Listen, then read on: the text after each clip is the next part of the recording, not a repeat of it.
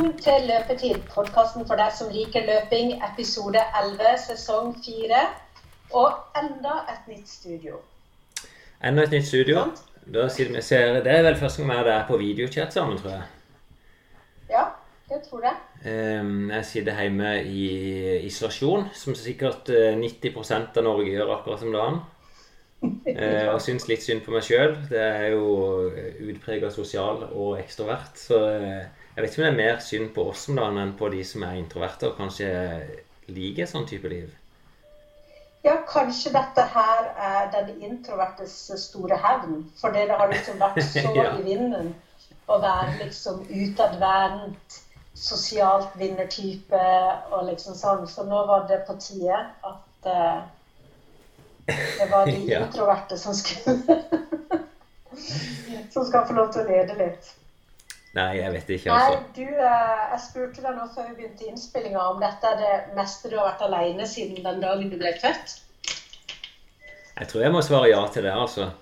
Jeg har vært på i, i mange år Jeg jobba i Forsvaret noen år. Jeg har vært på lange eh, øvelser. Det meste er vel er sikkert tre uker på øvelse, men da er du jo kanskje enda tettere med folk, bare du er isolert i ei bitte lita gruppe.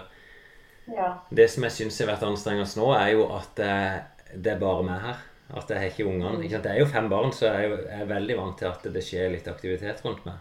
Og jeg er vant Ja. til å jobbe der det er mye folk. Mens eh, nå som jeg har vært syk, så kan jeg jo ikke treffe noen. Jeg kan ikke gå opp på butikken. Eh, og det blir tomt. Det, jeg kjenner på det, altså. Så, men jeg prøver å være flink til å ha noen sånne samtaler som jeg og deg har nå. Bare se folk, det hjelper. Og snakke med folk på telefon. Og så er jeg i gang i ny jobb nå, altså. Så, og det hjelper veldig. Så det er bra. Men er du sånn som liksom eh, eh, da spiser litt bedre mat, Du, eh, drikker litt mer vin, tar litt godteri på kvelden? absolutt. Eller Jeg kan, jeg kan si eh, ja, ja, ja. Jeg gjør alle sammen. Men jeg har vært litt bevisst på det at jeg prøver å gjøre litt sånn ekstra stas på meg at jeg står opp om morgenen, eh, lager kaffe, jeg, jeg koker egg og jeg lager rundstykker, sånn at det blir i hvert fall hyggelig, i hyggelig selskap med meg sjøl. Det prøver jeg å være bevisst. Ja. Også i forhold til vin Ja, jeg drikker sikkert mer vin. Eh, men jeg liksom, jeg, det er ikke sånn at jeg begynner å drikke vin på morgenen. Så jeg prøver at jeg begrenser liksom det òg til at eh, nå er det kvelden, så lager jeg mat. Og så kan jeg godt uh, ta noe vin. ja. Så, men nei, jeg, jeg tror det er viktig å ha noen rutiner. og Jeg hører av og til på litt sånn psykologipodkaster. og Det er jo litt av det som de sier er viktig for å unngå at du går helt ned, er jo at du eh, vasker deg, barberer deg, pusser tennene, eh, kler deg i vanlig tøy. At ikke du blir en sånn zombietilværelse. Så det syns jeg at jeg har vært flink til det. Og så, eh, selv om jeg er i, i karantene så, og ikke skal treffe folk, så har jeg vært ute og jogga noen turer. Og det får du høre nå etterpå på en av disse turene. Eh, Jeg vet jo ikke om jeg er koronasyk sjøl. Jeg har bare hatt de symptomene som, eh, som kan tyde på det, men jeg vet jo ikke. Og får ikke de, de svarene heller. Nei. Men det har gått litt opp og ned. og I går så trodde jeg at liksom endelig nå er dagen for å kunne friskmelde meg sjøl. Men så ble jeg heller febersjuk og ble enda dårligere. Så det var Får bare berette opp ermene på nytt. Det høres jo veldig koronaaktig ut, for du er jo ikke sånn snufsete og sånn. Du har jo vondt i kroppen og tungpusta og feber. Ja, det er det. Men hvor har jeg fått det, det vet jeg jo ikke. Og, og i og med at jeg, jeg treffer jo med folk med at jeg trener på fellesøkter, vært f.eks. på et foredrag i Risør, reiser til Oslo på direkten, og er innom bensinstasjoner og Så det er vanskelig for meg å si akkurat hvor jeg kan ha fått det i så fall. Så. Men vi er ikke koronaeksperter, Ana. Nei, vi er ikke det. Nei. Men vi har eh, Vi prøver jo også å lage episoder litt sånn eh, Vi har jo lagd veldig mange, syns jeg. Eh, eller jeg syns det er kjempegøy, men de hjemme her syns vi har lagd litt mange episoder. Ja. Eh, men denne episoden, da, som vi prøver å sette sammen sånn litt du på din kant og jeg på min kant, den er jo mye ifra eh, helga, ifra søndagen. Ja, jeg tok i hvert fall med meg podden ut på en tur. Eh, prøve å bruke dagen litt konstruktivt, så jeg gikk med en tur og, og spilte inn litt, som vi skal få høre fra. Og så har jeg jo òg prøvd å gi, noen, gi en god økt for å inspirere folk litt. En god treningsøkt. Og så har jeg jo hatt en lengre prat med Maren, som er vår fysioterapeut. Hun var jo med helt fra starten, fordi jeg vet ikke om folk har fått med seg alle episodene. Vi har jo over 80 episoder nå, tror jeg vi har lagt ut. Og så på forrige episode nå, så passerte vi faktisk 400 000 nedlastninger. Så eh, Ja! tusen takk til alle som hører på oss. Det er, stor stas. Og Maren har i hvert fall vært med fra begynnelsen, og i allerede i første episode så ble hun introdusert. Nå sitter hun oppe i Levanger med eh, sønnen sin og jobber derfra, da. Hun er jo fysioterapeut på NIMI eh, i Oslo, og det er jo forbudt å, for de å være i kontakt med folk, så de har måttet løse hverdagen på en annen måte. Jeg var ikke klar over at de faktisk hadde tilbudet åpent, at du kan eh, konsultere fysioterapeutene over Skype, sånn som jeg gjør nå. Så vi har en fin prat om det, eh, og òg et lytterspørsmål da, som vi følger opp eh, i forhold til skade sammen med Maren. Så det er i hvert fall det jeg skal bidra med i denne episoden. Og så er du òg eh, Plutselig, Anna, så var du i gang igjen. Plutselig så smilte du og har vært ute og løpt, og du ga litt sånn eh, drypp fra deg sist at eh, vi var jo aldri med deg på tur, men vi var med deg før turen og når du kom tilbake. Og da hørtes det ut som du, du smilte ut gjennom podkasten. Ja, det å bli med meg på tur, det tror jeg ikke blir mye bra lyd, altså. Så vi må foreløpig så må jeg få, få trent meg litt opp før jeg kan ha med opptaket mens jeg løper. Ja. Men eh, sist uke så fikk jeg jo løpt eh, ganske mange ganger, om ikke langt. Så hadde jeg jo den første løpturen hvor jeg tok med podkasten, og så var jeg på stadion og løp ti runder Ja. uten pause. ja Og så var jeg og løp den samme turen som jeg gjorde første gangen. En gang til. Og så tok vi bakkeløp på søndagen med hele familien. ja, er kjempeinspirerende. Og det er det jeg har spilt inn. Ja, det er bra. Eh, skal vi bare la podkasten rulle, så klipper du inn noen fine overganger med bjeffing og skritt imellom de overgangene. Så blir det episoden sånn som den blir i dag. Så håper jeg det blir hyggelig. Fint, Anna. Du må kose deg. Kan du høre den fine stillheten som er her ute? Ute på en, på en fin gåtur. Det er blitt søndag, og eh, meg og Tommy og Annie hadde tenkt å lage en fin eh, innspilling dag nede på stadion eh, med litt trening. Eh, men fortsatt så er jeg eh, ikke helt frisk, eh, og da kan vi ikke ta sjansen på å møtes akkurat nå. Litt av hensyn til hverandre og hensyn til samfunnet ellers. Så da har jeg tatt på meg skoene. Noen sko jeg kjøpte i sommer. Det er rene, ordentlige tursko, altså. Ikke noe joggesko. Og, og bare labbe ja, en runde som tar ca. tre-fire timer. Stille og rolig. Um, spaserte uh, ut klokka ni om morgenen.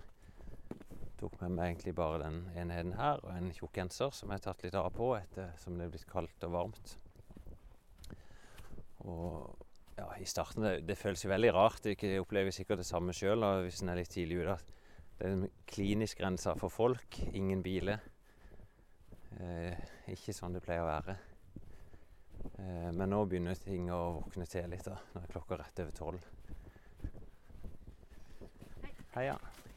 Hei, Finn. Hei sann. Så jeg treffer litt joggere og folk på tur. Ganske jevnt og trutt. Eh, det som jeg syns er litt fint, da, eh, til tross for at folk holder veldig avstand, det er jo noen som labber i store buer rundt meg. Jeg tror alle gjør det, at de tar hensyn sånn, men det er smil og nikk, og, og folk er i godt humør. Eh, jeg vet ikke om det bare er turfolk, men eh, jeg har og hørt på podkast og hørte litt om psykologi i stad, og hva isolasjon gjør med oss. Det er jo sånn at de, de beste rådene de har mot en sånn situasjon vi er oppe i, å unngå depresjon, det er ja, nummer én litt faste rutiner. Kom deg opp om morgenen. Eh, barber deg hvis du har noe å barbere. liksom ta hånd om deg sjøl, og så prøve å komme seg ut. Så selv om jeg labber her alene, så, så gir dette noe, noe helt annet enn å sitte i min egen stue og kikke på ja, hva enn jeg måtte kikke på der hjemme. Jeg prøver sjøl å, å unngå å se for mye på TV. Og så prøver heller å gjøre noen ting som jeg utvikler meg på, da. Som du ikke sikkert har hørt mange ganger før. Litt gitar og piano og litt tegning. Og så leser jeg litt. Og så prøver jeg å være litt sånn allment sosial og ringe noen av kameratene mine. Eller vennene mine. Og vi snakka jo litt om det siste òg, at vi er til og med så sosiale med og kameraten min Joakim at i går så samkjørte vi og sprang ut ca. på likt der med hverandre på øret. Og så bare plugga i headset i ørene og telefonen med oss. Og så skravla vi gjennom hele turen. Og da har vi oppdaget en ny treningsform da, der eh, jeg starta vel ca. Ja, to minutter før han. Eh, så vi var jo synkrone på, på hver vår GPS da, så vi, hvor fort vi hadde løpt. Så innså han at eh, han hadde løpt 30 sekunder saktere enn meg de første 5-6 kilometerne. Så han prøvde å ta det igjen. Eh, men det hadde ikke jeg så lyst til, så jeg økte farta sjøl. Så plutselig på kilometer 11-12-13 så var jeg nede i først fire på kilometeren, og så nede i 3.35. Eh, det, det, jeg vet ikke, det viser bare hvor rar en kan være, da. Men det ble en veldig hyggelig tur. Og ja, vi, opplevelsen igjen ikke sant, er at vi har vært på en løpetur sammen, selv om vi sprang på hver vår plass. Så er utfordringa det, det er nok headset. Altså det blir veldig mye støy. Eh, særlig når en begynner å sette opp farta. Så du hører jo på samme vis som du ikke hører den lyden fra podkasten når jeg springer. Jeg vet at det er veldig irriterende. Den får jeg fra Joakim inn på mitt øre, han på sitt. Og når vi begynner å øke farta, så er det jo nesten umulig å høre hverandre. Men likevel, så det å stå sammen i noe, det er veldig fint. Så det må du gjerne prøve. Eh, jeg har aldri gjort det før. Eh, men nå blir liksom den isolasjonen den tvinger fram litt andre typer løsninger, da. Så kan du selvfølgelig spørre seg hvorfor jeg er ute og labber tur istedenfor å springe med en tur. Og det er jo i og med at jeg har vært rusken, da. Jeg er ikke veldig syk, bare hatt litt eh, litt vondt i lungene, litt sånn tung pust, og så eh, litt vondt i kroppen. Så da prøver jeg ikke å utfordre kroppen sine grenser. Men som uh, ikke sikkert har hørt, da, så har jeg vært ute Jeg har faktisk vært ute hver dag. Men det, det var sånn jeg begynte vel med seks kilometer første dagen. Så gikk det greit. Sprang jeg neste sprang vel åtte, og så løp ti og tolv. Og så ble det ja, 16, og så 18 i går. Eh, det kan høres ekstremt ut, men i går begynte jeg endelig å kjenne at eh, kroppen Det var ikke så vondt i kroppen lenger da. Men jeg kjente i lungene at når jeg hadde sprunget ned på 330-tallet, at da satt det litt mer i lungene etterpå, da. Så jeg skal være forsiktig med det. Men det var rett og slett bare den iveren med en kamerat på øret som tok overhånd. Så ser jeg det er mange løpere rundt i Norge nå som eh, jobber med alternativer nå for å finne eh, løp og konkurranse. Det hoper seg opp nå med konkurranse på høsten. Hei sann. Hei.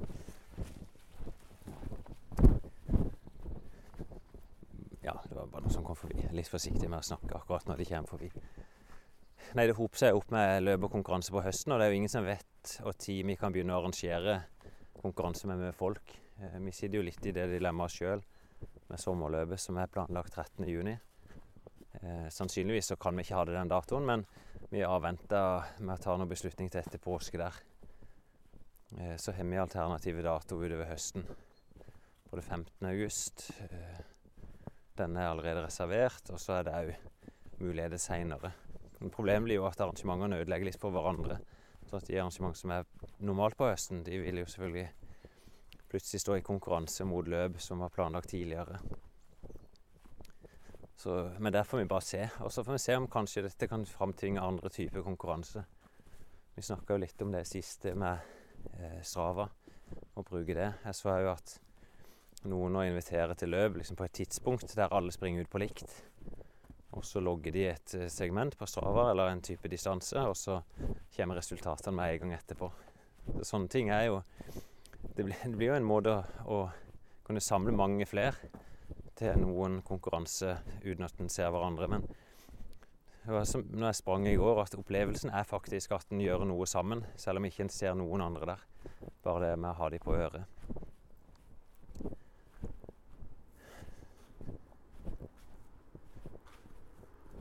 Jeg har gått rundt et svært vann her. Veldig kupert terreng. Det er jo en viss trening å gå tur. Og jeg vet jo at eh, veldig mange gode løpere har brukt det å gå på jakt og, og gå i terreng som eh, noe som de bruker i treningsarbeidet. Det er jo veldig skånsomt. Eh, så jeg tror jo sjøl at etter en sånn tur, nå, som jeg har vært ute i rett over tre timer, kommer til å bruke ja, kanskje fire til sammen. Så ja, det er bra for kroppen. Så får jeg se om jeg tar en tur seinere i dag eh, ute og springer sjøl. Begynner å kjenne litt på Jeg er jo veldig sosial av meg og elsker jo å springe sammen med folk. Eh, at det å springe bare alene At det, det koster på et vis litt mer. Men jeg må tvinge meg sjøl til å tenke litt gjennom på hva, hvorfor springen. Hva er det som er viktig med løpinga? Um, er det jaget på den neste konkurransen, eller er det turen i seg sjøl? Eh, og det er blitt mer bevisst på nå at jeg tenker at ok, hver tur det er faktisk det som gir meg noe. Det er ikke så farlig for meg nå om jeg klarer den og den tida. Eh, det er gøy å ha noe å, å jage litt etter, altså, men det er det å komme seg ut i seg sjøl som gir noe. Eh, både å nyte turen mens jeg springer den.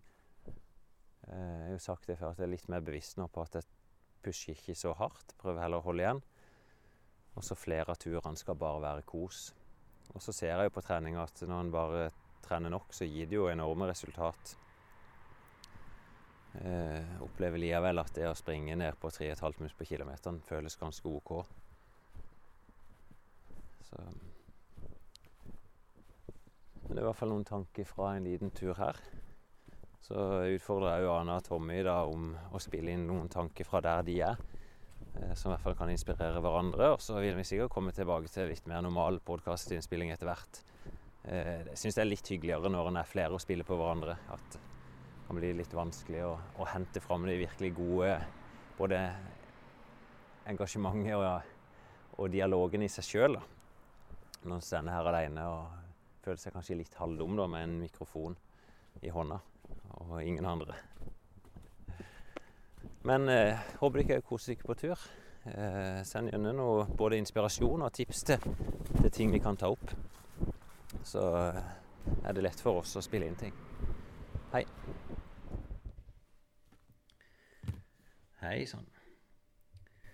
Da er jeg tilbake. Det er samme dagen. Det er søndag. Og mm, jeg var ute på en fin gåtur i stad. Og nå sitter jeg tenkte å oppsummere litt. Grann. Jeg, jeg satt faktisk og leste uh, i den boka som jeg hadde med meg ned til Kenya. Det var ei tom bok da, som jeg fylte med litt innhold om meg sjøl, hva jeg jobba med. Både liksom, hvilke utfordringer jeg har stått i, og hva jeg tenkte å prioritere framover nå. Og det var litt gøy å se.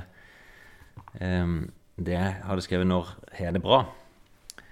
Idyll har jeg jo skrevet bak der. Uh, og det var litt fint å se at det var faktisk akkurat en sånn I hvert fall start på dagen jeg hadde her. Jeg har skrevet eh, 'rolig morgen', kaffe, lese, skrive og gåtur. Eh, og så kommer podkast 'Inspirere' og lage mat. Så det jeg syns jeg klarte å ha en fin oppfølging av det som jeg satt og skrev i januar. Og, og, i hvert fall gjennomføre en sånn fin søndag nå i dag. Så hadde vi en fantastisk fin gåtur på Det ble nesten fire timer. Og så kom jeg hjem og lagde grøt. Og så um, jeg har vært ute og løpt en tur nå, da. Eh, samme oppskrift som i går. Der eh, snakka med kompisen min Joakim. Og mens eh, idet han ringte meg opp, så bare nei, nå da fikk jeg kraft til å komme meg ut for å springe en tur. Så jeg bare plugga i ørepluggene, skifta mens jeg snakka med han, og så sprang jeg ut. Og da gikk det bare et par minutter mens jeg sprang, så sa jeg nei, fuck. Eh, eller ja, han sa i hvert fall noe tilsvarende. Eh, jeg ringte opp, og så gikk det bare et par minutter, så var han òg i gang, og, og, så sprang vi en tur sammen. Så da fikk jeg vel 15 km. Eh, bare rolig, da. Jeg har jo vært litt sånn eh, halvpjusk hele uka eh, og vet jo ikke akkurat hva det er, så jeg har bare vært forsiktig. Så selv om jeg har vært forsiktig, da, så har jeg klart å springe ti mil en uka, som egentlig er, det er jo veldig mye for vanlige folk. Eh, og litt mindre enn det jeg har trent i det siste sjøl. Så men eh, vet ikke helt om jeg føler meg bedre nå. Jeg må bare føle jeg liksom må være 100% frisk før jeg kan friskmelde meg sjøl her nå. Så um, selv om jeg begynner på jobb i morgen, så blir det hjemmekontor uansett. Og det blir det vel sikkert for de aller fleste som hører på her òg. Nå blir det litt sånn utenom løving, dette, da, men uh, jeg sitter faktisk og forbereder meg til en sånn konsert. Uh, jeg skal se min første livekonsert. Og det er et sånt fenomen som er dukka opp nå. At uh, artister som da ikke kan fylle noen arena lenger, de må finne nye arenaer. Flere av de som har begynt å streame ut på Facebook.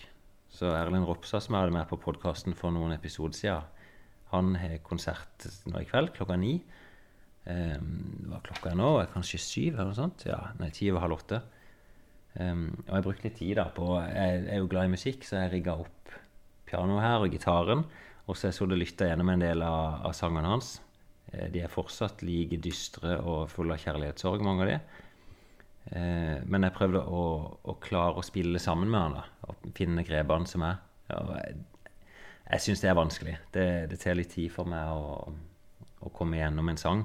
Og jeg er fortsatt i tvil etter jeg har kommet gjennom om det er de helt rette grepene, men det klinger sånn rimelig likt. da. Og så har jeg invitert meg noen venner på samme konsert. og så Det jeg tenker nå, var egentlig å montere opp et eh, kamera sjøl, så jeg, kan, jeg, vet ikke hvordan dette funker. Så jeg tenkte i hvert fall på et eller annet vis at en skal få noen samhandling med mer enn bare meg sjøl. Så det gleder jeg meg litt til. Um, jeg må jo spørre, da. Eh, tilbake til den turen som jeg og Joakim hadde, så er det sånn halv plagsomt med den lyden. Og begge to, Vi irriterer oss litt på lyd, begge to. Ikke Normalt hvis jeg ringer han og, og det blåser i telefonen, så ser vi bare vi snakker seinere, og så legger vi på. Men eh, nå som vi trenger litt mer støtte i hverandre, da, så, så må vi bare finne oss i all den skurringa og blåsinga. Eh, jeg springer bare med Apple-øretelefoner.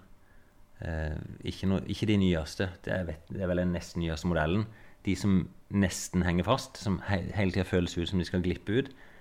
Eh, jeg må ha til på meg lue da, og legge oppå de. Men da vet jeg òg at eh, da får Joakim litt mer støy inn. Så hvis jeg trekker de for langt ned, så hører han plutselig masse høres ut som en i en blikkboks. han. Eh, han springer med Jeg tror det er modellen før det igjen, med de kablene. Og da blir jo den, den mikrofonen den sitter på kabelen. Og da blir ofte den slengende inn i tøyet og lager masse støy. Um, så jeg må ofte be han eh, holde den, så da blir han springende og holde den i hånda og uh, halvirritere seg litt på det. da. Men hvis det er noen som har noen gode tips for hvordan uh, en kan få best mulig lyd, så send gjerne det inn til oss. Det, jeg tror jo dette er noe som flere kan gjøre. I hvert fall hvis du er veldig sosial, så er det et godt tips. Men jeg tenkte i hvert fall å avslutte episoden i dag med å gi et tips om ei treningsøkt. Snakka jo sist om, om, bakkeløp, men jeg har lyst til å ta ei økt som eh, jeg ble kjent med jeg tror faktisk for 15-20 år siden. Da kalte vi det italiensk intervall. Eh, det er en form for fartslegg. Eh, og så når jeg reiste ned til Kenya første gang i 2014, så da ble det bare endra navn til kenyansk intervall. Eller kenyansk fartslegg. Der eh, hver uke, så i hvert fall oppe i Iten, så møtes eh, ja, kanskje 200-300 mennesker hver torsdag morgen klokka ni opp for å gjøre ei fellesøkt. Eh, liksom, uansett distanse de springer, eller jeg skal ikke si uansett nivå, for de er jo godt trent alle mann her. Men da møtes de, og så springer de fartsleg. Og en av de variantene de gjør, da, fartsleg er jo at du, du veksler på farta du springer. Faktisk opprinnelig, i hvert fall av det jeg har lest av idrettshistorie eller løpshistorie, så var dette noe svenskene oppfant. Og da tror jeg vi er på 50-60-tallet. Det er beholdt i navnet av fartsleg, som altså er et svensk, svensk, ord. Men måten de gjør det på, det er en ganske kontrollert økt. De, de varmer først opp, og så springer de eh, to minutter fort, og så ett minutt rolig. Så det er ikke noe stopp imellom. Det er ikke noe pause annet enn at de jogger de pausene. Um, og hvis en skal utfordre du som hører på da, til å, ha, å, teste ut dette, så er det varm opp i 10-15 minutter. Og så springer du ti drag på to minutter, eh, der pausen er ett minutt. Så liksom den delen som er fartsegen, den blir en halv time. Eh, farta Det er litt sånn vanskelig å si nøyaktig farta, men jeg ville tenkt sånn fra 10 000 til 5000 meter fart når du springer så kort som to minutter. Så, så du pusher ganske bra på, men du får et helt minutts pause. Så halvparten av den tida du springer som pause. Um, ja, når er ferdig, så kan du kanskje jogge fem-ti minutter, så er økta ferdig. Um, det blir eh, Jeg syns det blir god varighet på det, eh, og, og, veldig effektivt da, med at når du springer i pausen, så blir det en del flere kilometer ut av det. Og det er mer likt det du opplever i en konkurranse, enn når du springer intervall der du kan stoppe helt opp. Um, det fins andre varianter enn samme økta. Noen bruker for seg bare å variere etter uh, lyst. Når du kjenner at 'nå har jeg lyst til å springe på', og så springer de et stykke. Eh, noen gjør det etter at du f.eks. i alle motbakker så kjører du litt på, og så tar du det ro eh, på slettene. Eh, men du kan òg gå for f.eks. ett minutt, ett minutt, tre minutt, ett minutt osv. Men i hvert fall den økta jeg vil anbefale å prøve da, i dag, det er to minutter. Veldig enkelt å forholde seg til. Ti-to minutter, ett minutts pause. Så vil jeg bare si lykke til. Så høres vi. klare til å gjøre innspill på episode 11. Og det som vi, prøv, det vi kommer til å prøve på denne gangen, da, det er at eh, Finn spiller inn rundt 20 minutter for seg. Tommy spiller inn 20 minutter for seg, og så gjør jeg det samme. Og så får vi sette sammen en episode som best vi kan. For det, det er ikke noe poeng i å møte Finn nå som han Sjøl kalte han seg for eh, spedalsk, men eh, med, med, litt sånn vondt i brystet og halvklein. Eh, så er ikke det noe poeng. Men i dag, da, søndag Tenker at klokka er vel rundt to. to. Ja, det var det jeg hadde tenkt å gjette på. Så har jeg og familien min da spasert fra der vi bor, og til Kilden, som er konserthuset i Kristiansand. Og det var her eh, Tommy og meg og Finn løp bakkeløp da jeg var gravid. Det hadde vi en episode på. Så da skal vi eh, alle fire være med på bakkeløp i dag. Martin i vogna, mannen min Kjartan og Frida på 15. For etter at eh, Frida og meg var på første joggeturen, som dere hørte litt fra, så har hun fått skikkelig blod på tann og har lyst til å bruke denne koronatida da, til å bli en god, en habil god løper. Hun har jo vært med i eh, KIF før, som er en sånn friidrettsklubb. Eh, og syns egentlig det var veldig gøy. Men eh, så ga hun seg og begynte på dansing, og nå har hun fått lyst til å ta opp igjen den løpinga si, da.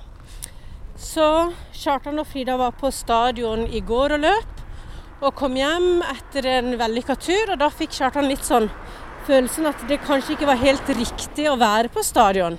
Det var litt mange folk som snørra og spytta og sånn, da. Så da har vi bestemt for å holde oss unna stadion og heller finne en bakke. Uh, og jeg har Kjartan her ved siden av meg, som han går og triller på vogna. Hvordan skal vi få til dette? Alle fire? Eller det er jo tre som skal løpe og inn i vogna, da. Ja. Men vi er jo på veldig forskjellig nivå, alle tre. Hvilket nivå er du på? Nei, jeg, jeg Nå er jeg på nokså lavt nivå. Så eh, Men jeg vet hva det går i. Men eh, jeg eh, står nok Jeg har dårlig kondisjon om dagen. Kondisjon er jo ferskvare. Så for øyeblikket er det på vei oppover igjen. Men vi skal prøve å eh, løpe ti stykker ca. sånn 30-45 sekunder. Men det vi, det vi, gjør da, det er at vi har et startpunkt. Og så løper vi opp til et annet punkt, og så tar vi tida hvor lang tid vi bruker på det. Og så skal vi prøve å gjenta det, og så går vi ned igjen veldig rolig.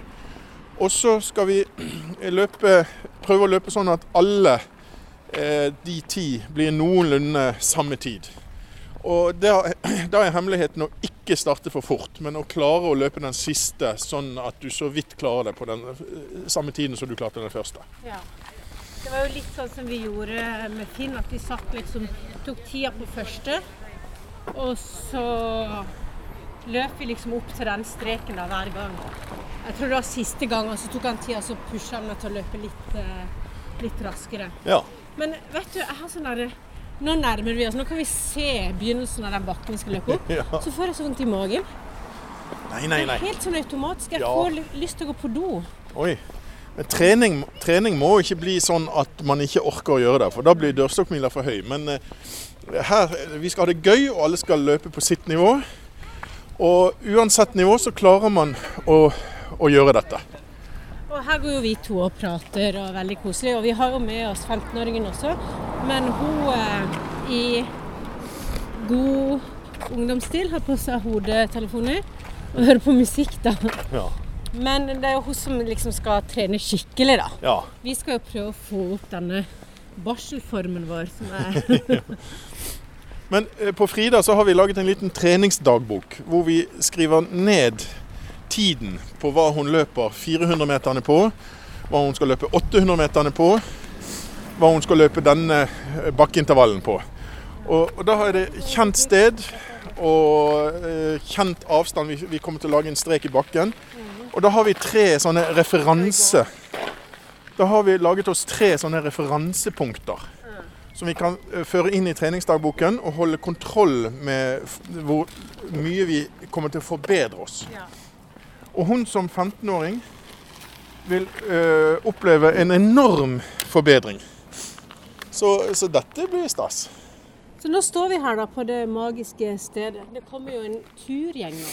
Ja, én, hvis- to, tre, fire, fem, seks personer som går Ja, sammen. de skal vi passe oss litt for, sånn at ikke de opplever at vi på en måte puster og peser for mye. Nei, for det har det jo vært litt om. Vi leste jo litt i dag morges Ja. om folk som er forbanna på løpere. Som uh, jogger altfor tett inntil andre og ja, Og puster og snørrer og puster, ja. snørrer og sånn. Ja, de har et poeng. Men det er, det er et poeng, det, det der. Man skal ta hensyn og ikke eh, løpe for tett innpå folk, for mye snørr og, og sånn. Så den der énmeteren man snakker om i, eh, i disse koronatider, det er jo ved vanlig gange. Sånn at når man eh, puster for full eh, pes, så er nok én meter litt lite. Fordi at du blåser nok ut eh, med mer avstand Altså du har større ja, du, du har større rekkevidde på snørr enn én meter når du er sliten. Naturlig stoppunkt her oppe, og så tar jeg tiden. OK, men eh, skal jeg løpe Dere løper først, Ja, og så kommer vi ned igjen. Så, så, ja. så eh, tar Frida dobbelt så mange runder, så hviler vi annenhver gang. Så, ja. Så eh, Men Martin og meg venter nå, da. intensjonen er nå å løpe i ca. 30-45 sekunder, avhengig av eh, eh, hvilket du jo naturlig, ja. naturlig Ja, stoppunkt. ok. Og så skal vi gjøre det ti ganger, og så med hvilen blir bare da den rusleturen ned igjen til startpunktet, og så om igjen og om igjen. Og intensjonen er å prøve å få dette her til å gå på samme tid. Alle ti gangene. Derfor skal vi starte rimelig rolig for å ha nok eh, power til Ja, kom igjen. Kom igjen. Okay. Men vent litt. Da skal jeg bare starte eh, klokken. OK, da starter vi der. Sånn skal vi se. Da løper de ved siden av hverandre. Hun løper ytre løype, og han løper indre løype. Og jeg står her med Martin. Jeg skal ta min egen tid, faktisk. For jeg husker jo hvor eh, eh, Hvor Finn fikk meg til å stoppe sist gang jeg løp. Så da er det litt lettere, for her har jeg stopwatch på mobilen min. Og så ser jeg hvor langt jeg kommer opp. Jeg har, det er ganske kaldt i dag, altså. Det er sånn skikkelig surt. Så jeg har på meg eh, genser, ullgenser og anorakk. Så jeg håper jeg kan få tatt av meg litt eh, etter hvert som eh, jeg løper. Dette er kanskje litt sånn irrelevant informasjon, men nå løper de altfor langt. Du. Nå er de snart på toppen av bakken. Det var ikke meninga å løpe så lenge. Så jeg håper de snart eh, begynner å gå ned. Ja, hva sier du, Martin? Ja, nei. Ser jeg ikke engang. Ja. OK. Da starter jeg mi klokke der.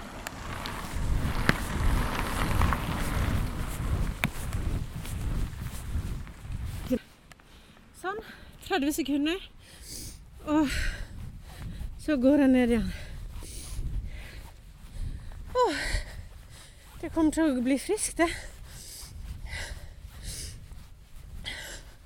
Og så kjørte han igjen med vogna nede. Så jeg vet ikke om Jeg skal bare prøve å løpe med Martin. Det er jo veldig, det blir jo veldig rar trening når du må drive og ta så mye hensyn til alle. Og, så jeg skulle jo egentlig ønske at jeg hadde litt annen struktur på det. Men nå kjører vi på, og så ser vi hvordan vi får det til.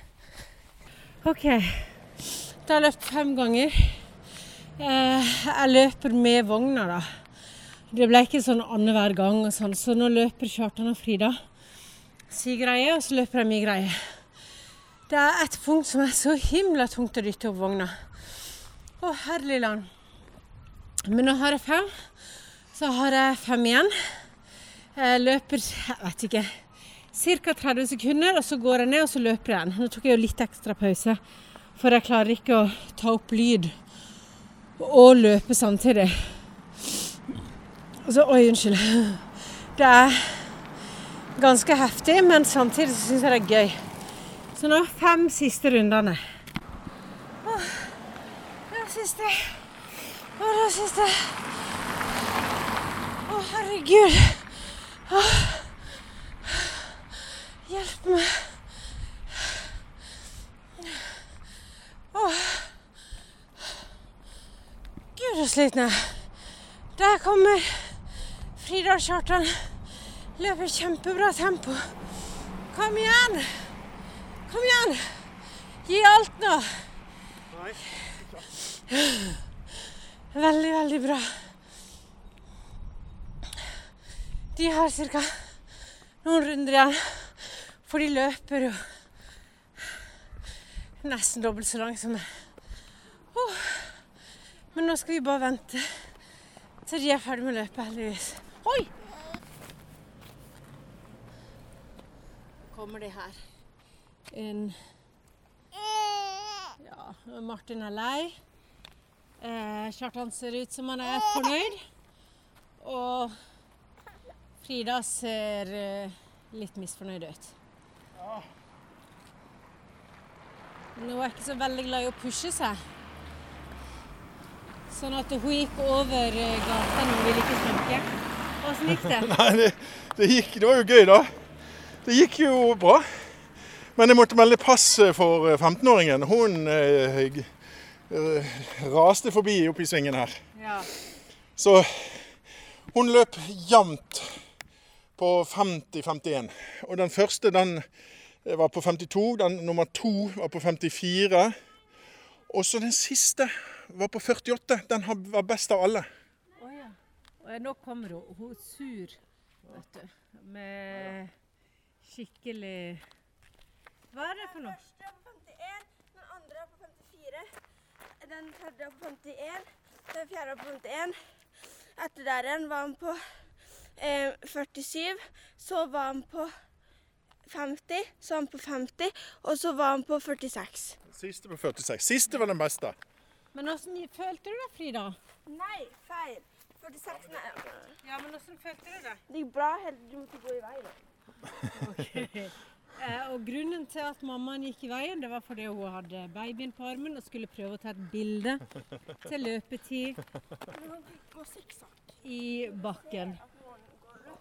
Så uh... Men dette var strålende. Det er faktisk første gang Frida har gjort dette så seriøst, og hun eh, klarte, klarte det med stil. Og, og den siste var den raskeste.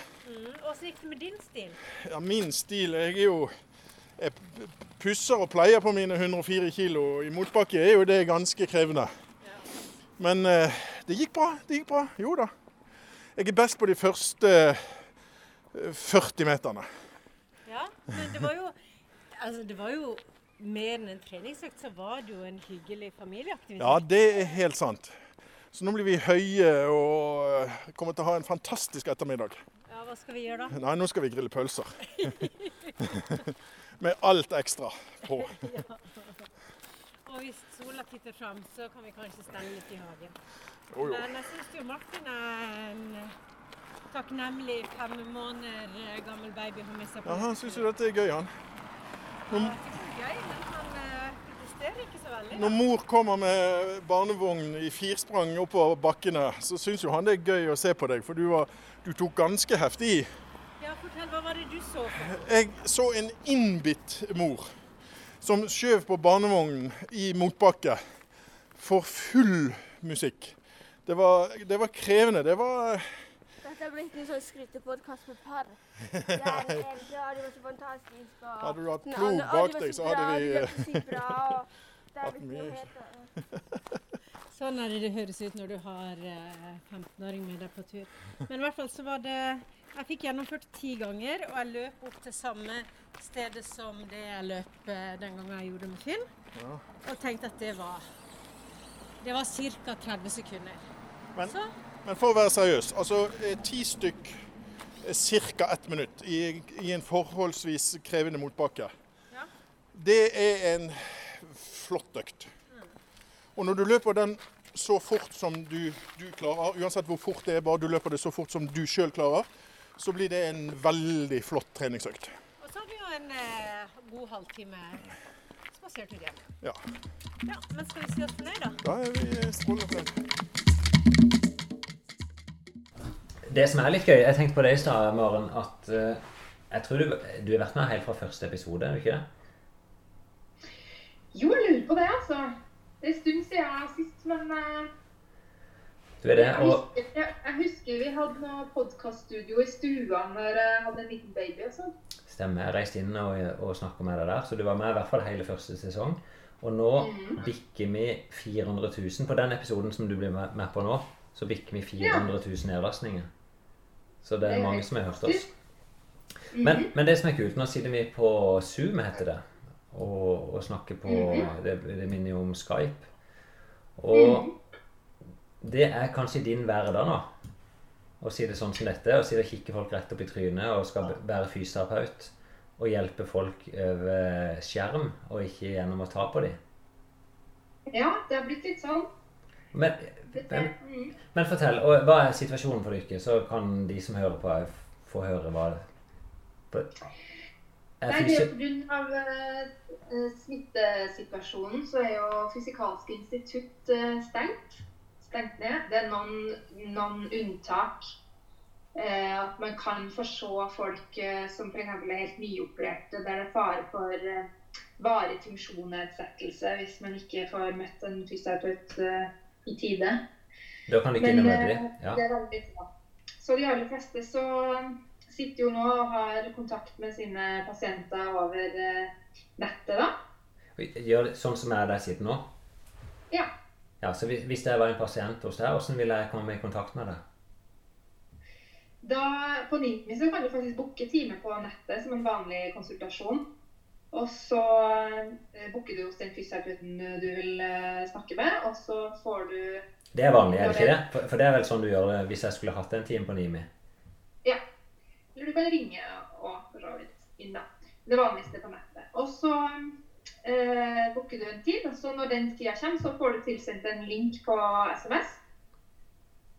Litt sånn som jeg fikk av deg i stad, egentlig. Ja. Og så um, trykker du deg inn på den linken og registrerer deg med, med litt personlig info. Og så blir du kobla opp til fysioterapeuten din.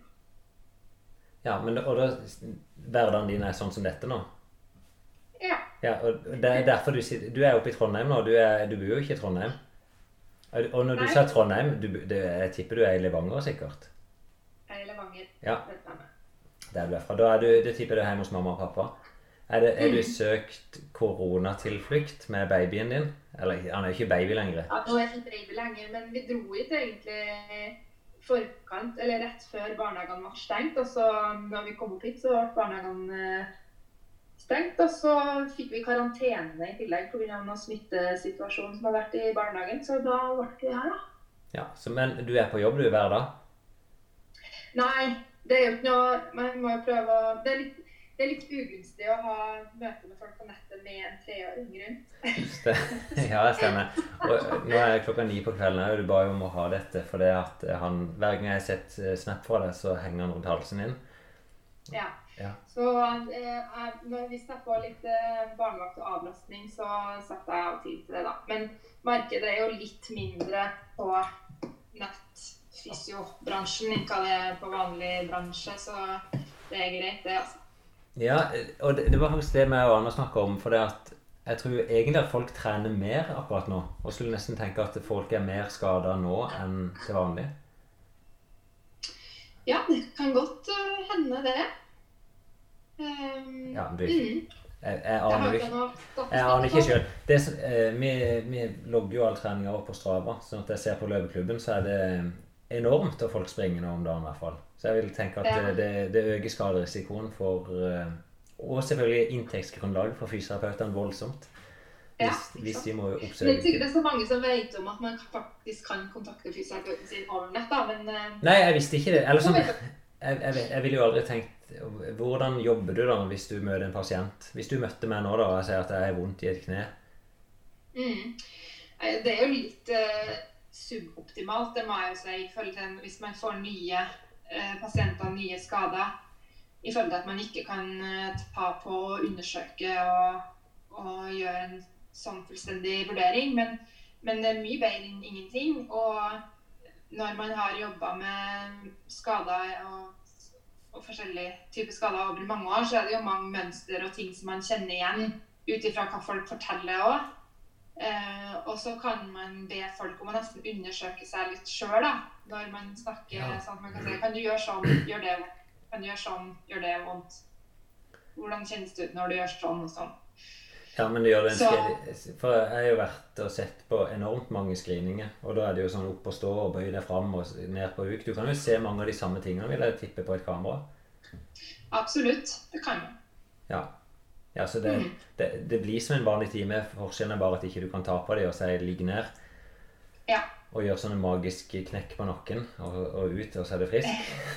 Ja. Var det frekt? Nei, Nei. jeg tenker at eh, dem, da må jo dem som er avhengig av det, faktisk klare seg uten det i noen uker. Det er spennende. Ja. Det kan jo være bra, det, tenker jeg. Men, men det er vel kanskje sånn at det viktigste er vel ikke den undersøkelsen, det er vel de rådene ikke gir etterpå. Det er disse folka som trenger hjelp. Ja.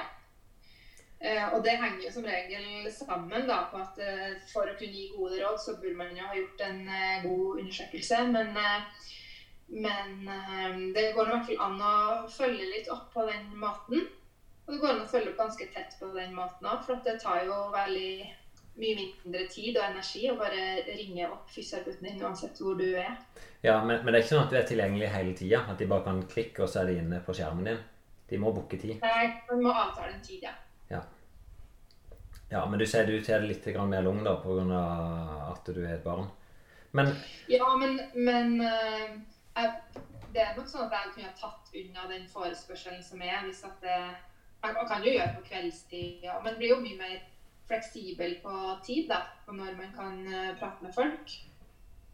selvfølgelig, Så, ja. mm. ja. Så egentlig så kunne du tatt en del flere pasienter nå på kveldstid hvis du vil det. Ja. Mm. Skal vi ta en eh, en forespørsel som jeg har fått inn til løpetid?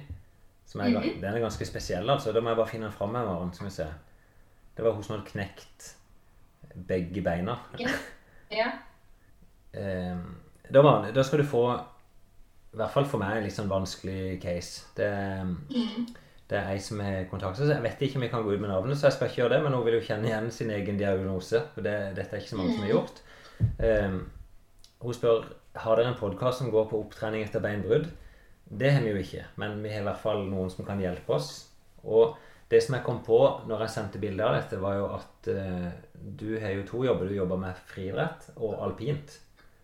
Mm. Og det, dette er jo en alpin skade. Mm. For syv dager siden brakk jeg begge leggbein i høyre fot etter skiulykke i Østerrike. Eh, Jeg skal tilbake like sterk og sprek som før, om ikke enda sterkere og sprekere. Jeg skal løpe igjen. Har satt inn en margnagle. Det høres fryktelig vondt ut. I tibia. Eh, Det er du som kan disse beina. Men tibia, hva er det for noe, Maren? Tibia er det største beinet i leggen. Vi har to bein i leggen, og tibia er det største som det kraftigste. Det kraftigste. Satt inn en margnagle. Ja, det er sikkert for å holde beina sammen. Som skal ut gjennom om ca. ett år. Det høres ut som det skal eh, opereres på nytt, ja. Og er i gang med forsiktig opptrening. Og så spør jeg igjen der om vi har en podkast som går direkte på dette. Dere har råd å høre på. Eh, Hilsen litt frustrert, veldig motivert Tine. Og så har hun sendt bilde, eh, og hun skrev at hun har søkt råd på nett, leter flere steder etter råd, men finner dessverre lite. Og også har jeg fått noen råd fra fysioterapeuten, så vet de ikke helt eh, hva hun skal gjøre. da. Så så har jeg brukt, eh, sendt disse bildene. Og Hva er det du ser for noe på disse bildene, Maren? Hvis du beskriver det? Jeg ser, ja, vi ser et røntgenbilde, eller to røntgenbilder av eh, en eh, leik som har hatt litt hard medfør. Så vi et bilde av en, et helikopter der du sikkert blir henta i bakken etter å ha skada seg. Ja, og hard medfør er jo veldig Jeg trenger ikke være noen røntgenlege for å se at det her er det knekt eh, begge bein. Her har du knekt begge beina på forskjellige plasser. To brudd i tibia, ser det ut som. Ja. Um, og så er det et bilde av et vanlig bilde av hvordan beinet ser ut etter operasjonen. ja, det er bare blått og plastra. Så Ja. ja. Og så er det det som er beskrives som vi beskrev sjøl, er satt inn i en margnagle, som er en er rett og slett en, en metallnagle som er satt gjennom hele beinet. Det ser egentlig helt vilt ut, men er det inni beinet de setter den? Setter inni beinet, ja. Det er ikke jeg klarer å skjønne da når hun skriver at den skal ut om et år. Ja, det er, det er ikke alltid det, det er ikke sånn at det må ut etter et år. Nei. Eh, Men, eh, den, men man kan fjerne den etter et år hvis den er problematisk. Ja, det, Man det, velger å la den være, i. det høres bare ut som at da må du gjennom en ny opptrening etterpå og en lang periode uten å kunne gjøre noe. Ja, da må det, det er en ny operasjon i hvert fall. Eh, Og ja, du må jo ha en ny Er dette er det som er stå, Det ser ut som en stålstang i hvert fall når jeg ser på dette bildet. Ja. Men hvordan klarer de å få den ut? Hvis, jeg skjønner at de får den de river og sliter og får den ut. Ja, men han, han er fy- fysisk inni beina, eller ligger han utenpå selve ja, beinet? den sitter inni, eh, Inni margen? bein, ja, beinmargen. Streike. Sånn Ja. at det, det er ikke bare bare å få den ut. Nei, de river og sliter. Nei, men det er greit. Men du, eh, det, hva gjør hun da etter å ha knekt begge beina, og så skal hun trenes opp? Er det, er, nå mener er det, kan hun løpe igjen? Eh, ja, sannsynligvis sannsynlig så kan hun det. Det er veldig forskjellig utfall etter sånne operasjoner som det her. Det som det er også, det En ting er den margnaglen som er satt inn for å forsterke beinet. Den kan man leve helt fint med. Eh, men noen kan få litt trøbbel med den. Noen- Noen får, kan få litt vondt rundt kneet, blant annet. Ja. Eh, men eh, men man kan leve helt fint med den. Ja, og det kan jeg skjønne når jeg ser på bildet, da, som ikke lytteren kan høre, er jo at den naglen den går jo helt opp i kneet. Det ser ut som den går ja. inn i menisken på det bildet.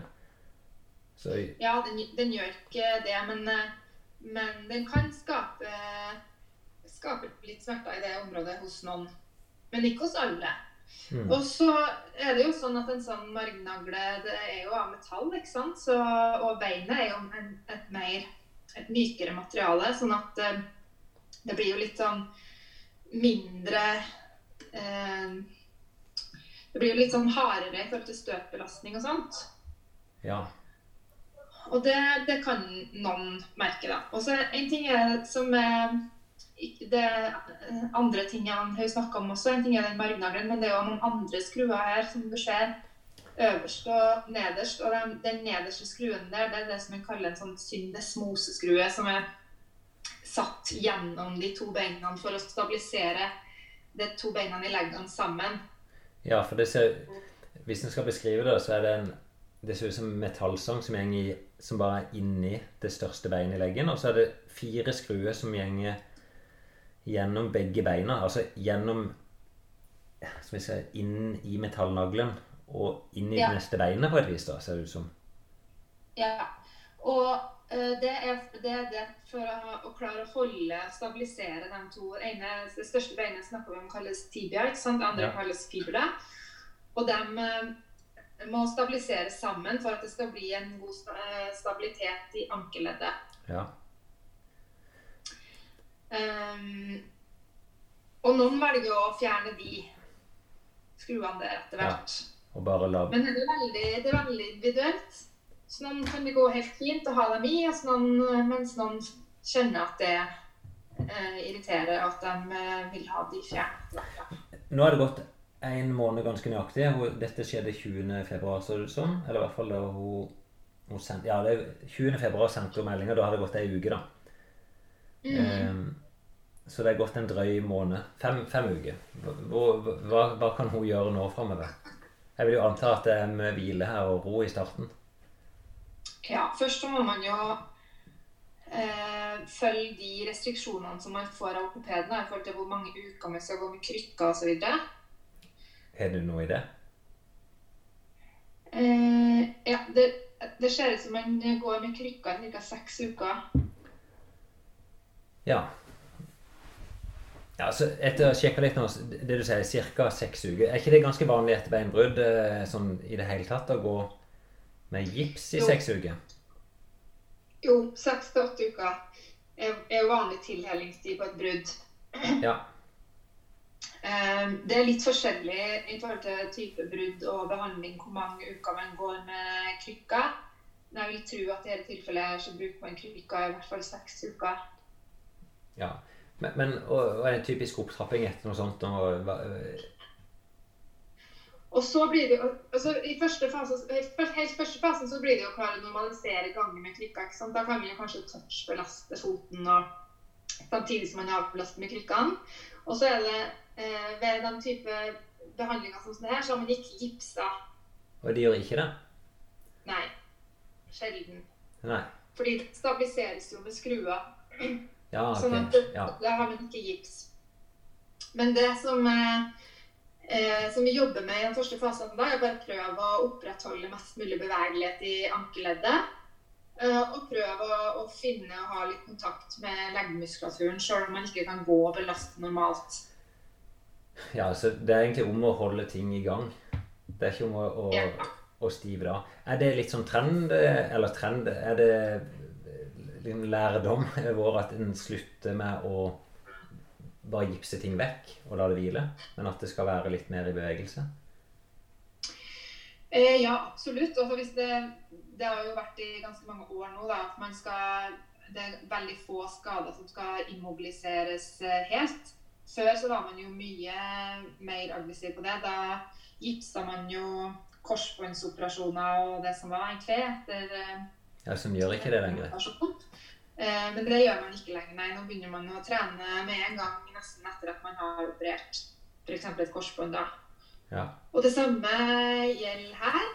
Da avlaster man med krykka, Man prøver å holde beinet litt i gang, sånn at man ikke stivner til mer enn hva man må. da. Det er ofte det som er problemet akkurat ved denne type skade som hun har fått her. fordi når man nå får en sånn eh, syndesmoseskrue, som er den skruen som sitter helt nederst ved ankeleddet, så kan ankeleddet fort bli litt stivt. Ja. At det er vanskelig å bevege eh, i den, det som vi kaller plantar og dorsalfleksjon. Ja. Opp og ned med foten. da. Nå vifter med armen litt sånn og prøve å vise meg hvordan det, det ser ut. Ja. Jeg forklarer bare lytterne åssen du gjør. Det var ikke så lett. Ja. Eh, så man må prøve å jobbe med det. Og så når man får lov å belaste foten med full vekt, så blir jo målet første gang å klare å gå normalt. ikke sant? Og så eh, gradvis da øke styrken rundt ankel- og leggmuskulaturen. Styrketrening eller bare gå? Hva sa du nå? som styrketrening eller bare det å gå? Eh, Så styrketrening òg. Tåheveøvelser, balanseøvelser, Ja. bevegelighetsøvelser forskjellige, eh, av forskjellige typer. Og så, eh, når man går eh, problemfritt og smertefritt, så må man gradvis begynne å introdusere løping, da. Og det er ikke noe sånn eh, veldig klare regler akkurat på når det skjer, for det er veldig individuelt ut ifra hvordan prosessen går. Googler du litt òg? Er det vanlig? Nei. Jeg, jeg, nei, jeg vet ikke om du googler. I hvert fall når jeg er hos legen sjøl, så sier jo han også sjekker ting opp. Eh, Ja, nei, jeg skrev passordet på Ble låst. Men jeg, jeg bruker å google. Altså. Ja, jeg skjønner at du ikke må det. Eh, men det høres jo ikke Det er jo ikke noe sånn quick fix, og det høres heller ikke ut som det er noen sånne der veldig gode triks, annet enn eh, nummer én stabilisere det, altså avlast, men så begynner du bare veldig forsiktig, rett og slett. Ja. Er det, er, er, på mange av skadene så er det jo tidligere sagt sånn du kan belaste inntil en viss vondthet, hvis jeg kan kalle det det. Altså du kan ha så og så vondt, og hvis det er vondere enn det, så bør du ikke gjøre det. Er det noe sånt her? Ja, kan godt bruke en sånn skala her også. Vi bruker ofte en skala fra 0 til 10, der 0 er ingen smerte og 10 er den verst tenkelige smerten. Um, og jeg vil jo si at her òg, hvis, hvis, du ligger rundt tre, under fire, um, så er det greit. Altså det, jeg vil si at det er normalt å kjenne litt etter en sånn type operasjon som du har hatt. Men kanskje aller viktigste, syns jeg, i disse eh, forløpene her, er også å følge med på at du ikke får noe økte symptom i form av økt hevelse eh, i ankelen eller rundt Ja. der du har Hva økt. kan være galt da? Hvis det, det det er litt for mye belastning. Ja. Hva er grei, men hva er grunnen til det, Maren, at ting hever og, og blir fylt med væske når en belaster for mye? Ja. Nei, altså det er jo litt sånn at når, når det er du eh, som er eksperten. Det er jo litt sånn at når man har vært immobilisert eh, pga. en skade sånn som jeg har hatt her, så, så får jo vev- vevet, som da vinner både bein og muskulatur og senevev og det som er, eh, en annen toleransegrense i forhold til belastning. ikke sant? Ja. Du tåler mindre eh, av det du skal gjøre. Og hvis at du belaster vevet over det det tåler, Ja. så kan du jo se at du får en slags belastningsskade, da, eller en, eh, Ja. en belastningsreaksjon, ja. En overbelastning. som som blant annet da kan være at du får hevelse. Med Ja, små skader. Og så er det jo sånn når du har hatt en akuttskade også, så at den ikke er tilhela skikkelig, så kan jo det å eh, hovne opp hvis det blir for mye belastning på det. Det er veldig rart. Jeg er en kamerat med, som har trøbbel med kne. Og Ja. når han belaster litt mye, så ser det ut som han har kokosnødd i kneet. Ja, Ja. Nå skal vi ikke gå inn på det, men det ser ikke bra ut. Nei, på ingen måte. Men eh, tilbake til hun som, som har trøbbel med disse beina. da. Altså, hvor lang tid snakker vi om før du tror hun kan jogge?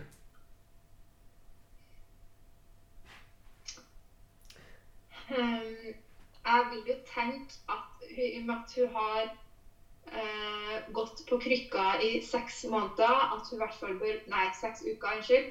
At hun i hvert fall bør bruke seks uker til på å trene seg opp til å tolerere løping. Så sånn ha mål om å begynne å løpe etter en tre måneder, da. Det var imponerende. Akkurat som det Nei, det var, hun var forespeila at hun skal operere ting ut gjennom et år. Men allerede etter tre måneder Det var veldig kjapt. Jeg vet ikke om jeg er konkret nok sånn i forhold til en opptreningsplan, men jeg tenker vel hun må forholde seg til den Men, da, planen. men eh, Finn, da er det jo ikke sånn at jeg tenker at da etter tre måneder så, eh, da er du tilbake og springer sentrumsløpet. Da tenker jeg at eh, da begynner du å, med en veldig rolig opptrapping på det å tolerere mer og mer løptrening. Ja, og hva er veldig lite? Hva er veldig rolig? Da kan vi, det er mange forskjellige måter man kan legge opp sånn eh, tilbake til løpebelastning på òg. Da kan man f.eks. begynne med at man eh, går hvis man, hvis man har gått seg en tur på en halvtime og kjenner at det går fint, jeg klarer fint å gå en tur på en halvtime Ja. uten at jeg får økte symptomer av det. Så da neste gang da, kan jeg, da jogger jeg ett minutt, og så går jeg ni minutter. Og så jogger jeg ett minutt, og så går jeg ni minutter, og så jogger jeg ett minutt. Så det blir en halvtime til sammen. Og hvis det har gått fint, så kanskje legger du på ett og ett minutt. ja. Og det var egentlig det som er poenget, at det, det er en veldig, veldig gradvis tilvenning. Ja. For det er jo det jeg har sett sjøl òg, at eh, ja, mange av de flinke både fysioterapeutene og legene de er så forsiktige at løping er en ekstrem belastning i seg sjøl. Ja. Så, så for eksempel som du sier, da, kanskje tre minutter løping i løpet av en halvtime er mer enn nok i starten. Ja. Mm. Og jeg synes ofte, særlig ved sånne skader som det her, som vi vet har lang tid, og som vi vet kan være litt problematisk i forhold til at det er mye skruer og jern og metall i, i omløp. Så det er mye bedre å starte veldig rolig og kjenne at du tolererer det, enn å gå ut for hardt og så gå på en skuffelse fordi at uh, du ikke tålte det. Det høres ut som et råd som gjelder uansett hva du holder på med. Og det er veldig utfordrende for mange det å klare å ha is i magen i den perioden der.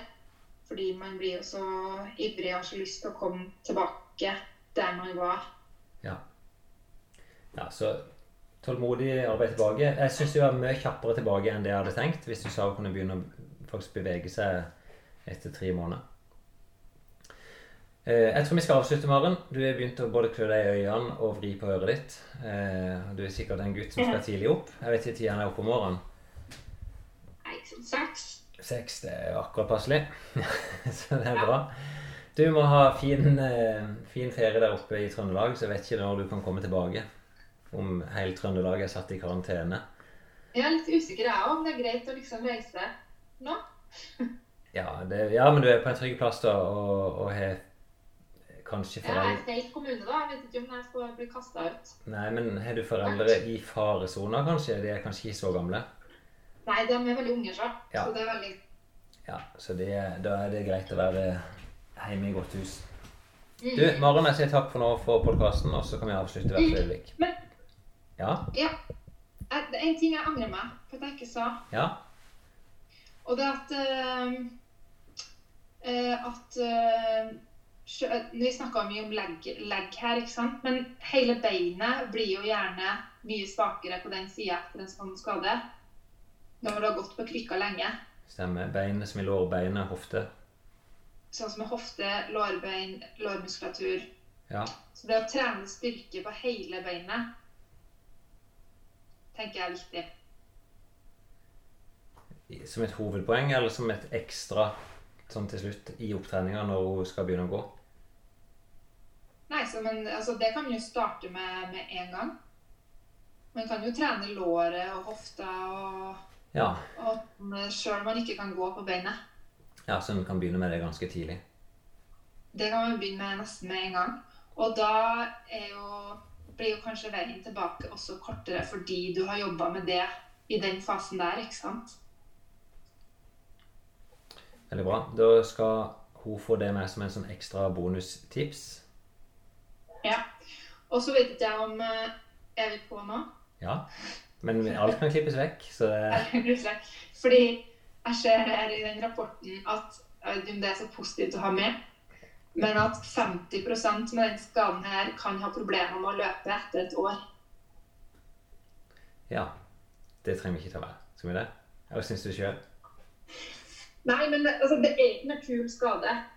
Nei. Nei, er du gal? Hun har jo knekt beinet tvert av. Ja. Og jeg er litt usikker på om jeg var litt for positiv. Men i utgangspunktet så skal man jo kun begynne å belaste bein eh, etter åtte uker. Ja. Ikke sant? Eh, så det er jo bare veldig individuelt når det går i forhold til de forskjellige. Jeg har jo hatt noen av, de, eh, noen av dem her som altså, ikke får opp eh, til null grader. Altså klarer ikke å få mer enn 90 grader i ankelen, liksom. Ja, men er det ankelen som blir problemet til slutt? Ja. Ja, de blir stive nederst i beinet? Ja, på grunn av den der skruen nederst der. Ja. Det syns jeg ofte det, Den skruen nederst der er ofte like stort problem som den naglen. Og naglen er det som er inni margen? Ja, den ja. lange, store. Og så eh, er det mange som prøver å fjerne den skru, nederste skruen først. Ja. Se om det blir bedre av det. og så Hvis det ikke blir bedre av det, så Men når den er borte, hvorfor blir det ikke bedre? Er det et eller annet som, som sperrer og holder igjen? Når du har tatt vekk skruen? Eller er det, er det, det Altså er det det, det, har blitt så stivt, liksom. Ja. Mm. Men kan alt mykes opp hvis du bare gjør nok? Nei. Nei, jeg kan ikke det. Det, det da er det for seint?